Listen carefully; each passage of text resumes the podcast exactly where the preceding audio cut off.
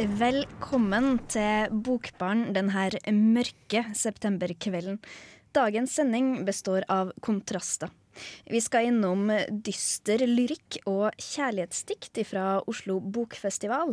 For der har nemlig Ingrid vært. Hei, Ingrid. Hei.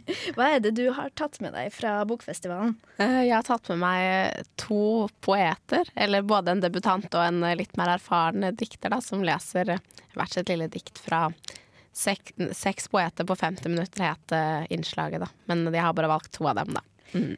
Kjempespennende. Vi skal høre mer om det etterpå. Kristine har eh, tatt med seg det nyeste til Pedro Carmona Alvarez. Og jeg skal snakke om en veldig spesiell bok fra forfatter Lasse Vardner Fosshaug. Her får dere låta 'Satellite Moon' med Strand of Oaks.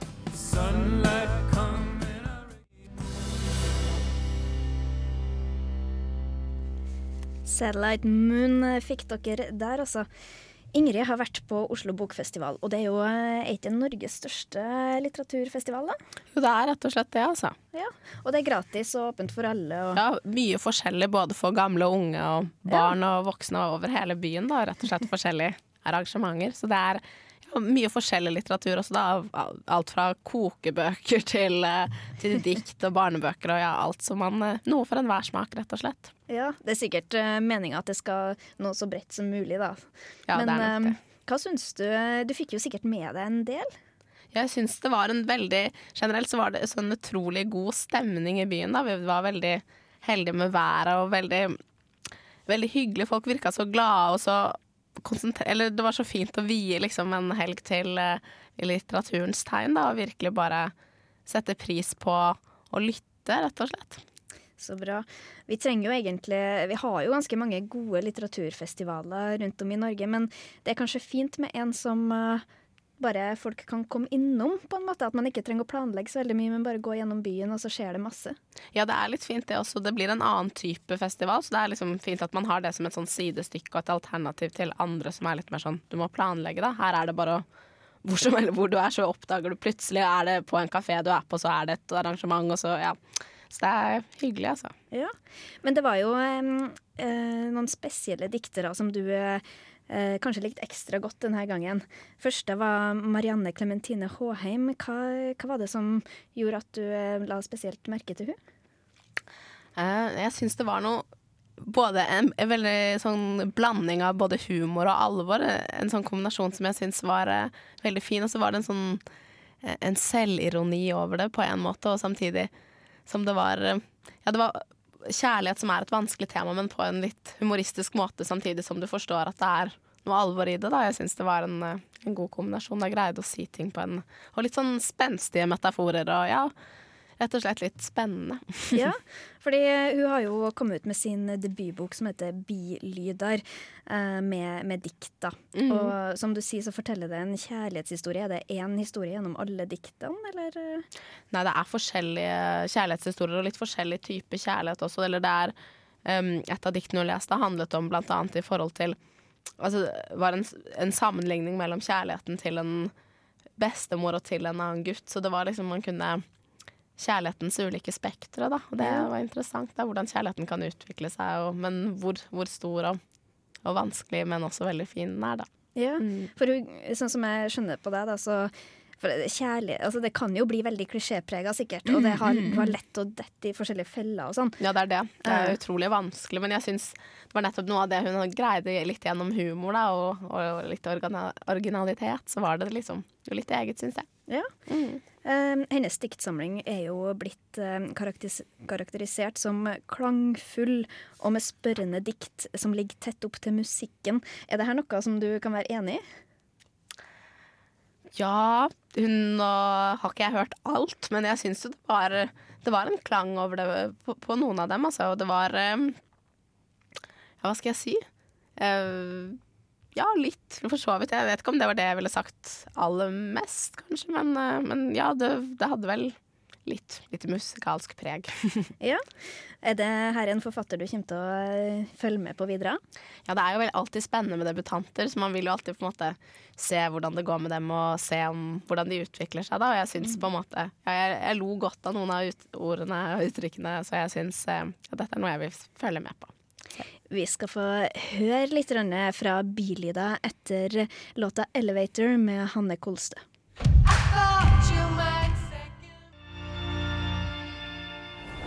De verste dagene er fulle av knokler som knekker og struper som rasler. Pinlig stille, full av kropp. Sånne tider lover jeg å aldri snakke mer dersom jeg ikke kan kommunisere over samme distanser som knølpalene. Snart innser jeg at jeg er nødt til å finne nye fysiske erfaringer. Kjensler som ikke har noe med deg å gjøre. Så jeg slutter å drikke. Legger meg uten dyne og utforsker øyeeplene mine. Så enkelt kan en tro at det er.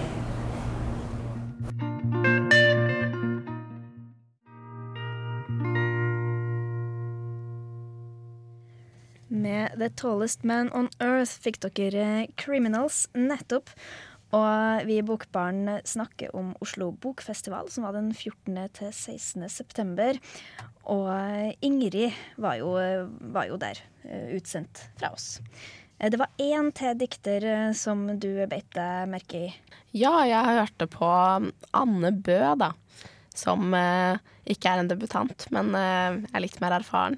Eh, og det jeg syns var så spesielt ved henne, da, var at hun ehm, hadde så utrolig var så en sånn poetisk, en sånn skjør eh, og veldig forsiktig dame, men samtidig så utrolig sterke og flotte dikt. da. Eh, men det passet veldig godt til eh, det dikt som vi skal høre etterpå, da, hvor det handlet um, Som het, var fra hennes nye diktsamling 'Frostdokumenter', da.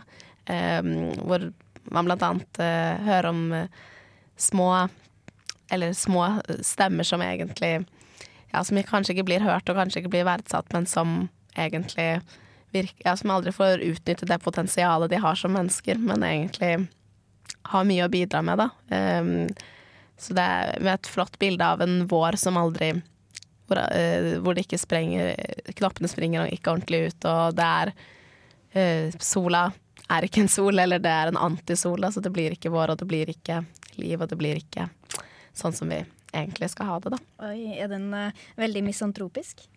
Ja, det er Man får se litt selv, men det er en veldig mystisk. Mystisk, kanskje litt gåtefull, men samtidig så, så er det Ja, det rører veldig, da. Mm. For uh, diktene hennes er jo blitt beskrevet som veldig um, politisk aktuelle. Mm. Uh, er det her uh, Har du noe eksempel på det?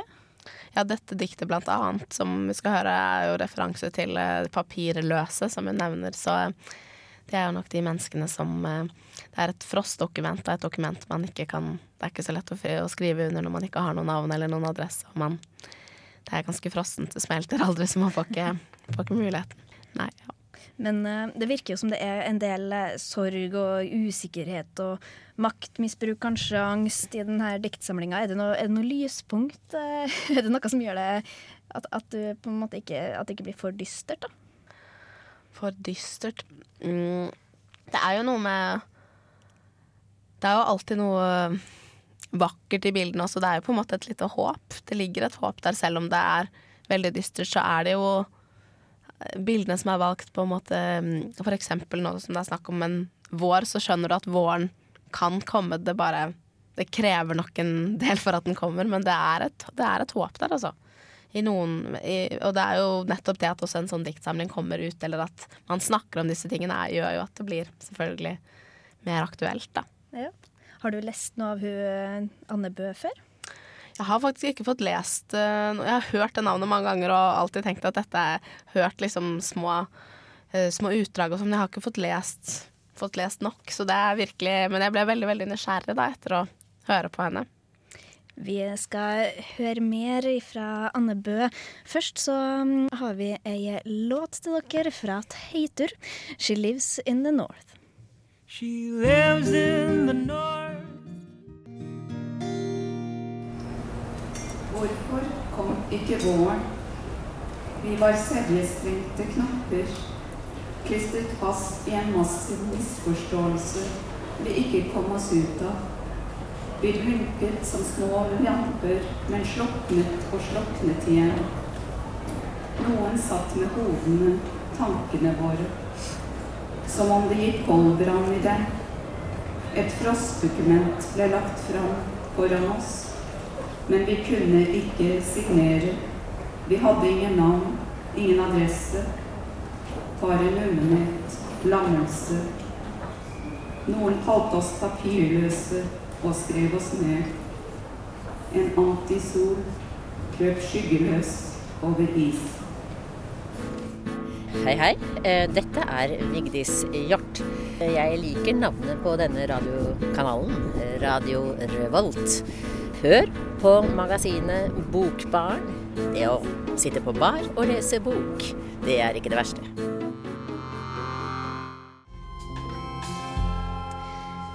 Der var det Calexico med Algiers. Er det sånn det uttales, tror dere? Sikkert. Litt usikker. Men i hvert fall, vi skal bevege oss bort fra Oslo Bokfestival, og så skal vi ta og fokusere på en kar som vi har hatt ganske mye om i Bokbarn før. Pedro Carmona Alvarez, sant ja, Kristine? Det stemmer. Eh, Vi har jo prata om eh, han i forbindelse med f.eks. 'Verden eh, finnes ikke på kartet', en diktantologi som han var redaktør for sammen med Gunnar Wærnes. Men nå har da altså Pedro Carmona Alvarez kommet med en egen roman uh, igjen, som heter 'Å være skifta', og det ble sommer, osv. Ja, og sånn som jeg har forstått det, denne boka har fått ganske mye oppmerksomhet i mediene. Og eh, den er blant annet skrevet med tanke på forfatteren sin egen bakgrunn. Da. Han vokste opp i Norge med chilenske flyktningeforeldre, og den er veldig prega av det, har jeg forstått. Mm. Uh, i, en, I en stor grad, uh, men samtidig så er det jo en helt annen fortelling. Det er jo ikke en uh, sjølbiografisk fortelling på den måten. Det, det handler om, om ei eh, Eller det er fortalt fra synsvinkelen til ei eh, jente eh, i eh, tenårene. Og det handler om eh, hennes families historie. Og det handler om Norge og USA. Ja, ja. Det, for det er jo lagt til forskjellige land, og kanskje en annen tid også. Men, Ja, det er på en måte hovedfortellinga er fra, fra 50-tallet og, og framover, og så er det på 80-tallet som på en måte er det man kan regne med at det er nutida, da. mm. Eh, Denne boka er jo blitt eh, beskrevet som eh, veldig vond og sår, og, og fått ganske god kritiker, kri- kri- fra NRK. Dagbladet sier at den er en umusikalsk roman, og at det først er mot slutten at vi egentlig merker det de kaller den svarte og vakre sødmen som synger innerst i teksten.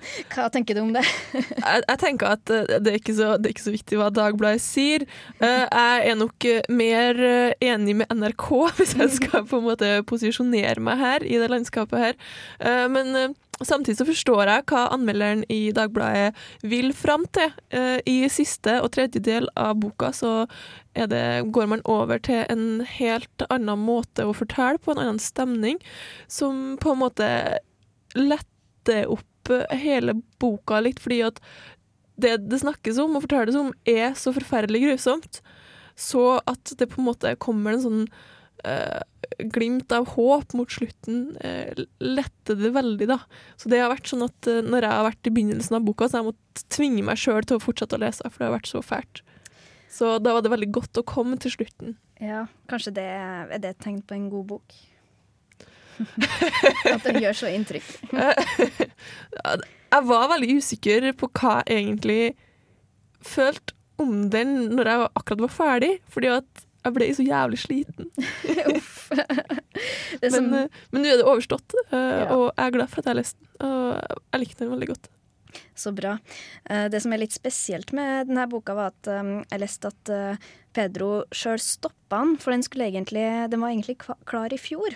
Men han fant ut at det her var ikke riktig tidspunkt å gi ut boka på, fordi det var en historie i boka som utvikla seg og til slutt ble såpass viktig at den måtte skrives helt ut. Eh, Er det her, ser du det her i boka i dag? At eh, den er blitt litt sånn forandra? Den er litt sånn ettertenksom, på en måte. Og, og samtidig så, så er det jo, eh, så vidt jeg har forstått, eh, første bok eh, i en trilogi om eh, den jenta eh, Marita.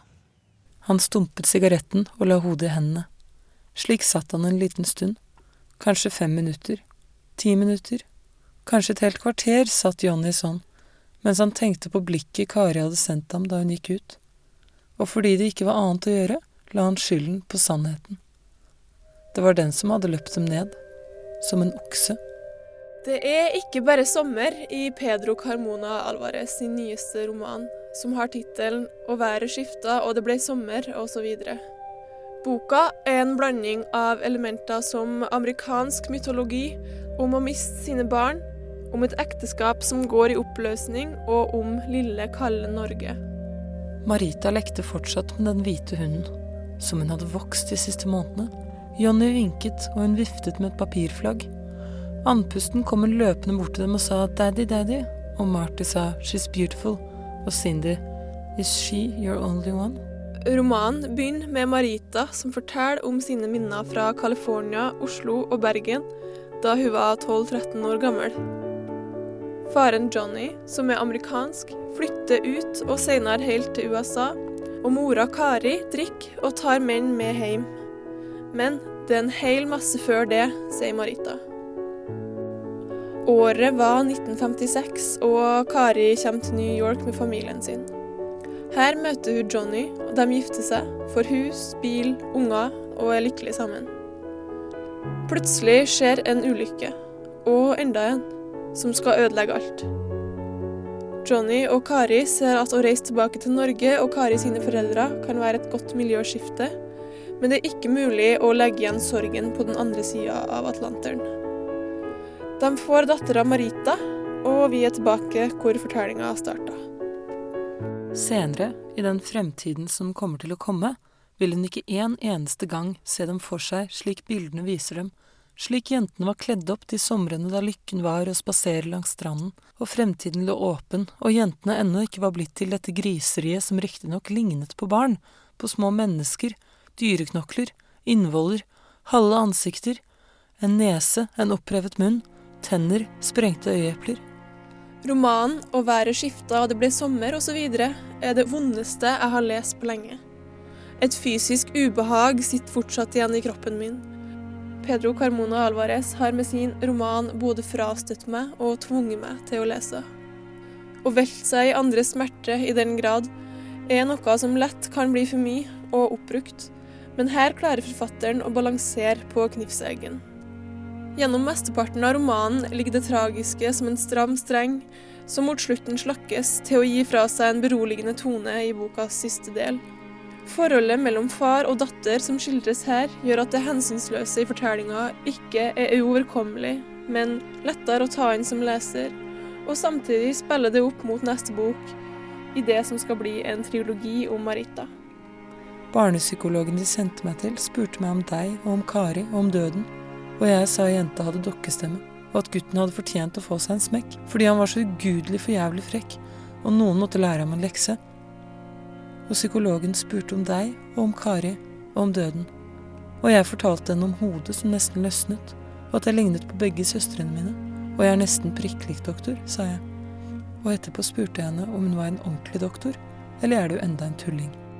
Stemninga som settes, understrekes med språket Carmona Alvarez aktivt benytter seg av. Når det blir vanskelig, er det som om språket trekker seg unna. Smerten i innholdet er med i språket og setningene. Fortellerstemmen veksler mellom Maritas jeg og en tredjeperson, men allikevel er det hennes stemme hele veien. Distansen til hendelsene varierer, både i tid, form og språk. I romanen 'Og været skifta, og det ble sommer' osv. tar Carmona Alvarez oss gjennom det hensynsløse, brutalt, men elegant. Hei, dette er Jostein Gaarder. Du hører på Bokbaren i Radio Revolt. Jostein Gaarder han er vi glad i. Alltid like koselig. Uh, før det så fikk dere uh, høre Cat Power eh, med låta 'Silent Machine'. Og vi har snakka om Pedro Carmona Alvarez sin siste bok. Den kan vi kanskje oppsummere med at den er vond og trasig å komme gjennom, men at det er verdt det. Ja. ja. Vi skal over til en litt annen type anmeldelse. Vi streber jo, altså Jeg har allerede sagt at dette er en ganske kontrastfylt uh, sending i kveld. Og uh, vi syns jo det er veldig artig når folk har lyst til å bidra. Sant ja, Kristine? Ja, det er fint. Men um, det her er da en av våre nye medlemmer, Lars Erik Haukedal Andreassen, som dere vanligvis uh, kan høre på i Fakta på Laurbær. Som um, kanskje ikke er overbegeistra over uh, den her um, krøniken om Ylva Alm, bok tre. Jeg har ikke lest det. Er det noen av dere som kjenner til denne boka? Uh, jeg tror at alle kommer til å svare nei på det spørsmålet, uansett om de har lest den eller ikke. Ja, for det er, det er så ille. Altså, jeg tror uh, kanskje at uh, Lars Erik skal få snakke for seg sjøl. Hei, du, dette er Lars Erik som ringer. Jeg vil gjerne komme med en eh, anmeldelse. Ja. Hva er det det dreier seg om? Nei, altså I går så var jeg på butikken, og på vei til kassen eh, av en eller annen merkelig En skammelig grunn så tok jeg med meg ei bok fra bladhylla. Det skulle jeg jo aldri gjort, da, men det var tredje nummer av krøniken Ylva Alm, som heter Nordlys. Eh, og det kriminelle med den boka er at på 250 sider altså, så er den så overfladisk overtydelig, og det er en overdådig sammensetning av bokstaver som helt klart kunne skrevet for 50 år gamle kvinner, gjerne homopater som skal ha noe å fingre til. Og det er boka som er så jævlig jeg vil anmelde. Karakterene i boka er så endimensjonale og klisjéaktige at til og med et barneskolebarn kun trenger å lese det første kapittelet for å gjette hva som skjer i hele resten av boka. Og når en snakker om barneskole, så har jeg lest leseløvebøker som har mindre skrift og mer dybde om krøniken om Ylva Alm. Aldri før har jeg fått brokk av å lese, men nå ligger jeg her med ulidelige smerter i mageregionen. Et intenst hat mot kvinner som på en eller annen måte har prestert å lire av seg noe så for jævlig, uten å ta sitt eget liv av skyldfølelse for hva hun har påført verden. Jeg hadde heller tatt et nakkeskudd i magen, jeg hadde heller hoppa i strikk med kjetting, og jeg hadde heller latt meg kjønnsoperere til å bli ei kvinne for full, så å få en full kvinnelig omskjæring, enn å lese den boka en gang til, og jeg krever erstatning for smerten Ylva Alm har påført meg. Ja. Ja det hørtes ikke noe særlig ut. Nei, ikke i det hele tatt. Jeg tror ikke noe sak for politiet. De kan jo skrive hva de vil, vet du. Det er ingenting jeg kan gjøre, altså. Nei, det er nok ikke det. OK, greit det. Ja. Takk skal du ha. Ha det bra. Hun orket ikke å tenke på det forferdelige som hadde hendt. I stedet satte hun seg bedre til rette, kjente varmen fra halsgropen og de jevne, trygge dunkene fra hjertet hans. Jeg heter Ylva Ånd, hvisket hun. Få med deg sommerens store kjærlighetshistorie. Krøniken om Ylva Alm, skrevet av Ida Skjellbakken. Du finner første bok om Ylva Alm i butikkene nå i sommer.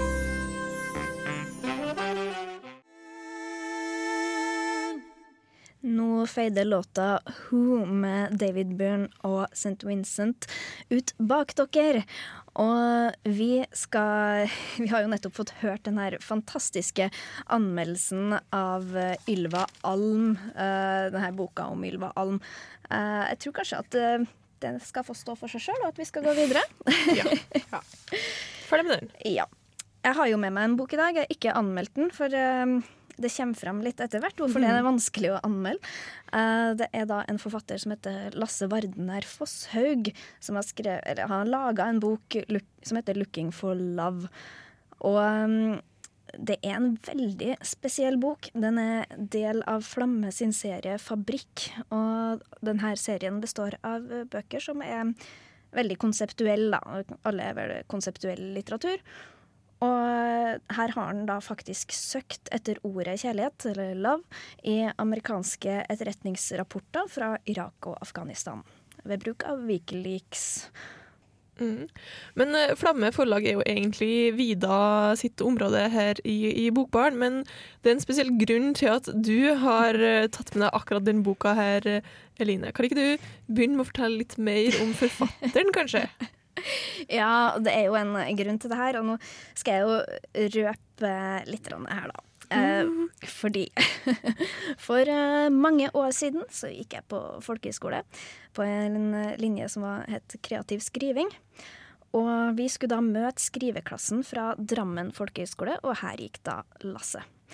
Eh, Da hadde vi en kveld der vi leste opp tekster vi hadde skrevet, og det var veldig hyggelig. Og jeg slutta jo på folkehøgskolen, og et år gikk. Og etterpå så ser jeg at det er en lapp i lomma mi på den jakken jeg hadde akkurat den kvelden da vi var på um, det her opplesningsseminaret. Og den er ifra Lasse. og her står det da mange fine komplimenter, må jeg si. Og han virker som en veldig um, romantisk og hyggelig fyr. Og jeg fikk telefonnummeret hans da, som sto på den lappen. Uh, synd at jeg oppdaga det et år etterpå, men nå er vi venner på Facebook. Og Lasse, hvis du mot formodning hører det her, så kan du jo ringe meg. Det går bra. Nå er du forfatter og alt. Men, men tror du at det hadde blitt noen sånne ting hvis du hadde funnet den lappen eh, da du gikk på folkehøyskolen? Jeg tror kanskje at jeg hadde kommet eh, Altså, jeg sendte jo en melding da og sa hei, nå så jeg det her, og artig, at, det- artig og hyggelig å hilse på deg og sånne ting. Veldig vennskapelig tone. Jeg tror kanskje vi har eh, Jeg tror kanskje det er det som hadde kommet til å skje. Men jeg syns det er veldig Det er en veldig artig, artig ting, da. Det er bare sånne ting som egentlig bare skjer på film. Ja, ikke sant? Eller kunne vært skrevet en bok om, nesten.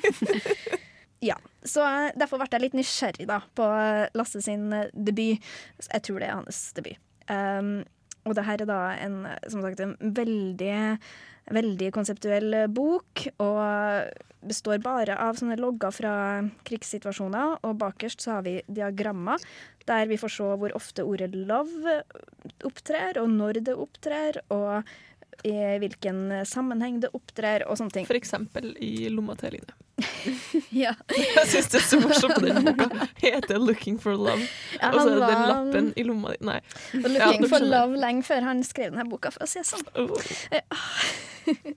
Men jeg syns det er litt vanskelig, da. Som sagt, jeg har ikke anmeldt den. Uh, fordi hvordan, hvordan skal man stille seg til en bok som jo har et snedig konsept? Eh, det er en morsom idé, men hele boka fell, står på det her konseptet. Og det, er jo ikke, det går ikke an å lese denne boka sånn som man gjør med tradisjonell litteratur. Og eh, jeg vet ikke hva dere, om dere har noen tanker rundt det? Jeg syns Altså, det er jo utdrag fra rapporter, og, og hva får man egentlig ut av det? Det er jo masse bokstaver og tall, og så er det ikke så, så på en måte sammenhengende. Så jeg må ha et spørsmål til deg. Som har, har du lest hele? Ja, så har jeg skumma litt gjennom det. Men er det sånn at funker det å lese? Er det noe, gir det deg noe?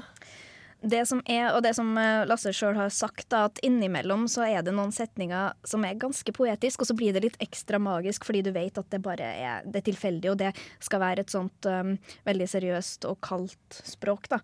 Og da er det litt artig når det først oppstår. og det er jo veldig kontrastfylt, det her med kjærlighet og krig. Uh, og det syns jeg er et morsomt Det blir en sånn spenning i teksten, samtidig som at det er veldig hakkete, og det er mye som er sensurert.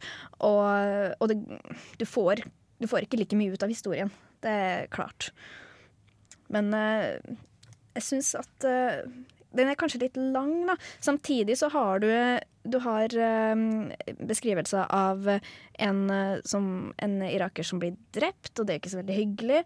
Uh, da heter denne rapporten No Love. Uh, men så har du også beskrivelser av at de setter i gang en, eh, bokse, en boksekamp. Og til innbyggerne sin store glede. Og det er publikum, og folk heier, og alle er i godt humør. Og eh, da står det at ja, de fikk holdt på med den sporten de elska så mye. Og, og, så, så det er litt eh, Du får et innblikk i denne krigen som du ikke ville ha fått hvis du ikke hadde lest det. Absolutt. Og så er det 'Looking for Love' i lomma til Eline. 'Looking for Love'. Og hva passer egentlig bedre da enn Jessie Ware, som vi har spilt en del ganger før, med 'Sweet Talk'. Sweet Talk. En annen som kan jo snakke for seg, det er Lasse Verdener Fosshaug. Både tekstlig og ja, kanskje mest tekstlig. Nei, det var jo litt, eh, litt morsomt det her nå, da. Eh, Jeg tror faktisk Nå tror jeg han er forlova, og jeg er fornøyd med det. Så, og det er egentlig jeg òg. Ja, men, men det var jo sånn at det var jo ikke du som fant den lappen i lomma di. Nei, dessverre. Eh, Du må gi oss alle detaljene. ja, det her var da en ytterjakke som ikke ble så ofte brukt. Og mm, etter hvert så fikk jo lillesøstera mi denne jakken. Og eh, hun fant da lappen. Og så ga jeg den til min mor, som ble oversjef, for hun syns jo sånne ting er så gøy. Uh, Men det er jo skikkelig gøy. Det er jo sånn som bare skjer på film. ja, det er jo det, da. Uh, litt sånn um, avhørfølelse, kanskje, uh, på meg etterpå. Men um, veldig, veldig hyggelig. Altså. Jeg syns det, det er artig at det skjedde, og jeg har lyst til å følge med litt på hva Lasse utgir senere. Han er i hvert fall veldig kreativ, tror jeg vi kan slå fast. Vi har jo vi kan jo begynne å oppsummere litt hva vi har snakka om i kveld, fordi det begynner å nærme seg slutten. Uh, Ingrid, du har vært på Oslo Bokfestival, og da var det Marianne Clementine Håheim og Anne Bø som var de store hoved... Eller beste øyeblikkene for deg. Er det anbefalinger til resten, eller? Ja, det er det absolutt, altså. Både humor fra Marianne Clementine og litt mer eh, skjør poe poesi, vil jeg si, fra, um, fra Anne Bø. Men uh, veldig stemningsfullt begge deler, da, på, på hver sin måte. Noe som uh, Ja, jeg tror det Du kan uh, lære mye om deg selv og om liv og kjærligheten, som man sier om det meste. Ja. Og Pedro Carmona Alvarez kan vi kanskje også lære litt av? Ja, eller Ja. Og du, du sa det veldig vanskelig nå. Det, det er liksom Og det er så trist og fælt, og det er på en måte så, så Det som skjer, er så brutalt og hensynsløst. Man mister trua på rettferdighet i verden. Med Lasse Vardner Fosshaug så har vi, får vi derimot et håp. Eh, Han ser etter kjærlighet. Hvis du gjør det, så les boka hans. Takk til Lars Erik Andreassen, som hadde den fantastiske anmeldelsen eh, i sin rette forstand tidligere her. Eh, Du hører på Radio Revolt og kan finne oss på www.radiorevolt.no. I studio i dag så har vi vært Ingrid Kveim Skarholt, Kristine Bangstad Fredriksen, tekniker Rune Stana. Jeg heter Eline Bjerkan og håper at vi høres til neste uke.